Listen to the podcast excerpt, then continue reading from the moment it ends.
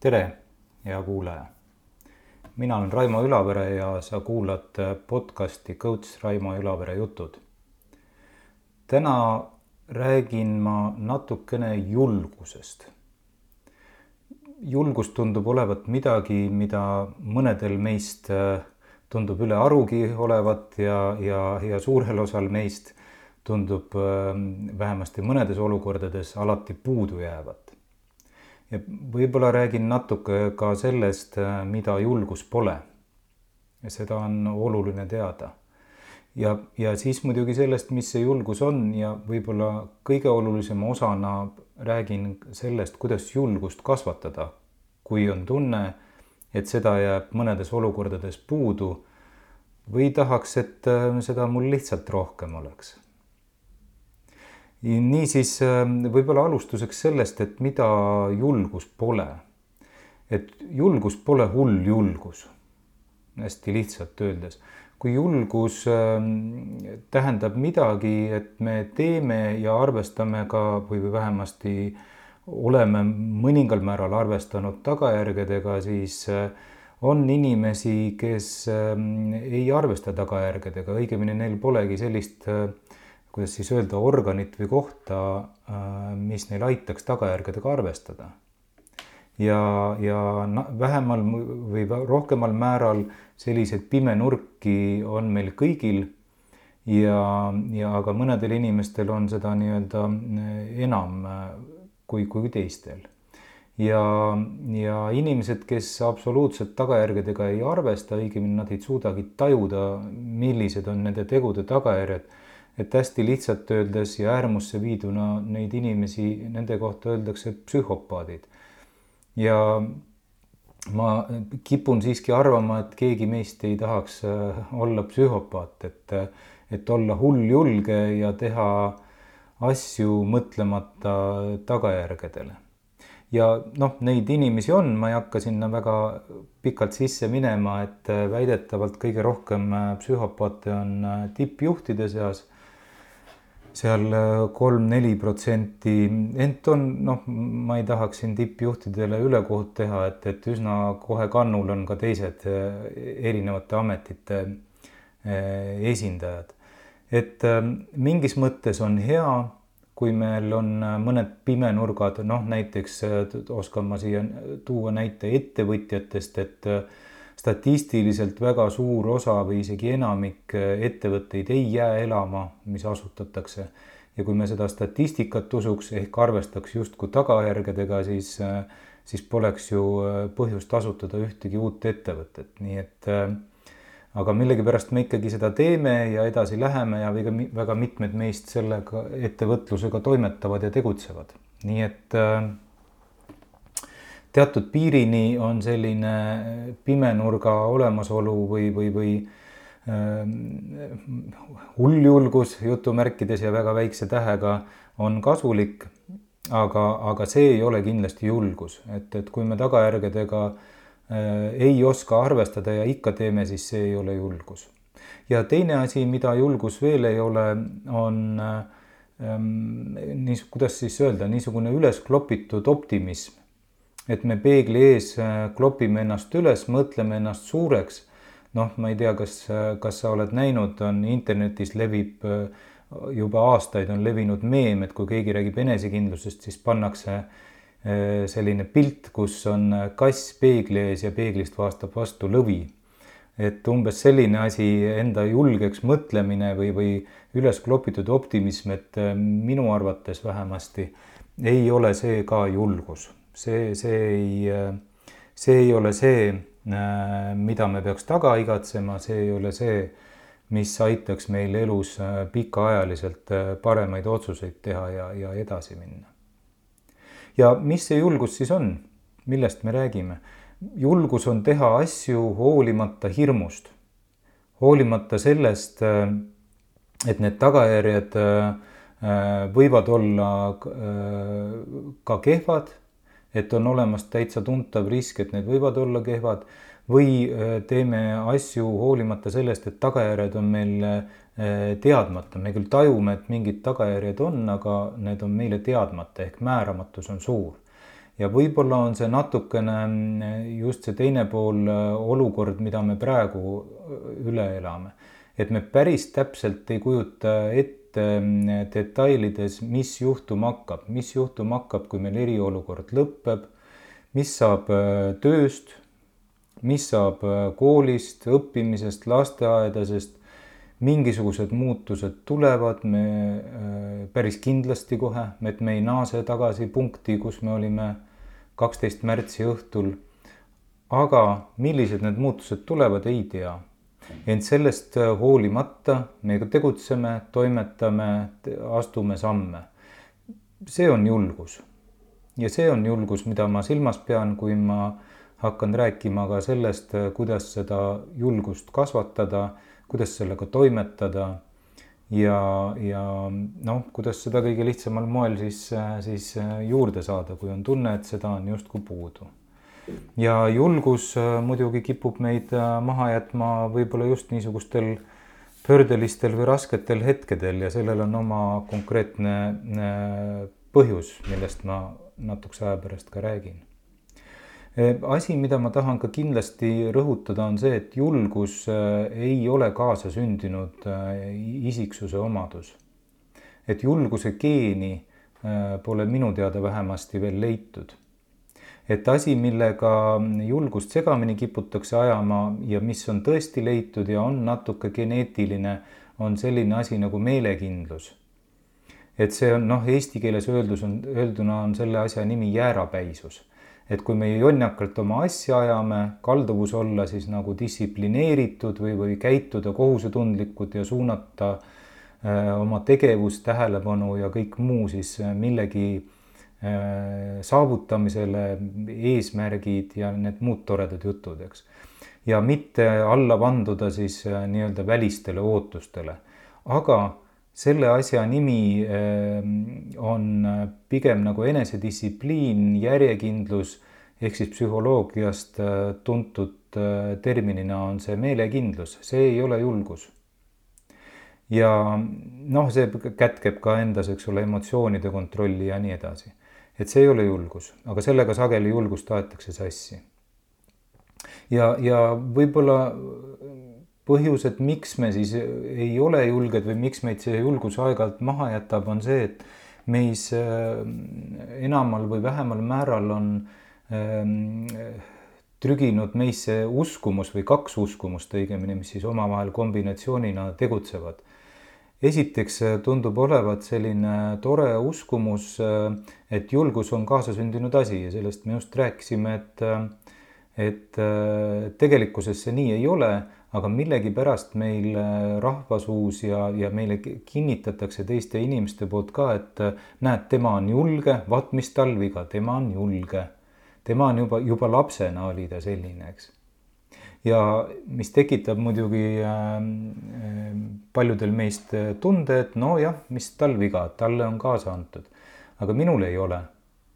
mina ei ole julge, mulle pole antud ja see, ja see äh, teine kombinatsioon äh, asjadest võib olla see, et, äh, et,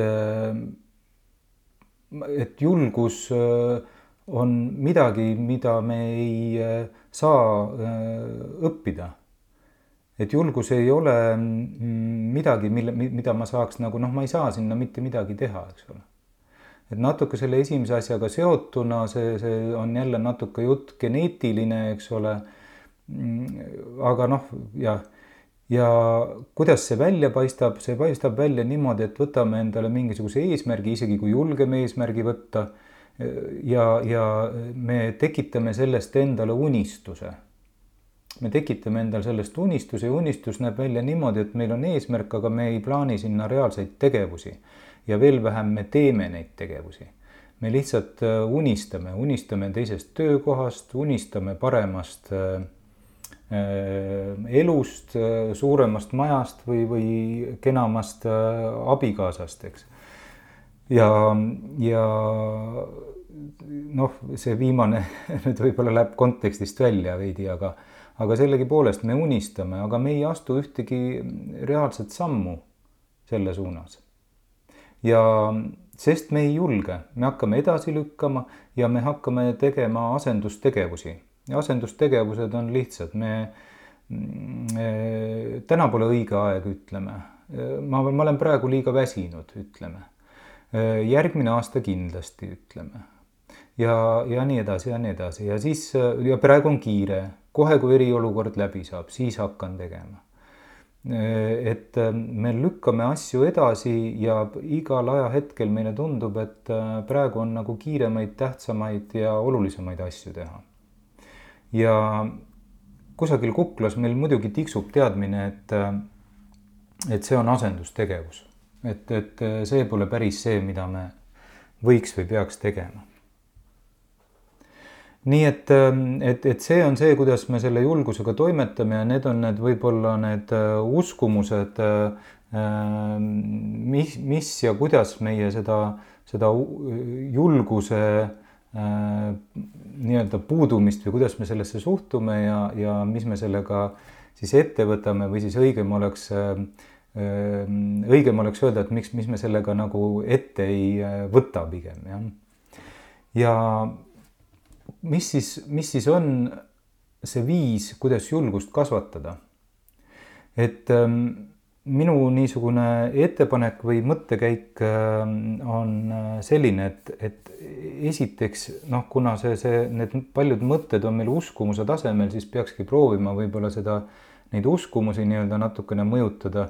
Ehk siis eesti keeles ja lihtsalt öelduna, mis oleks, kui muudaks vaatenurka sellele, kuidas me julgust vaatame, mis asi julgus on ja kuidas me seda siis saame kas juurde või kuidas see ka vähemaks läheb aga see iva on selles, et äh, muudame vaatenurka ehk muudame uskumusi.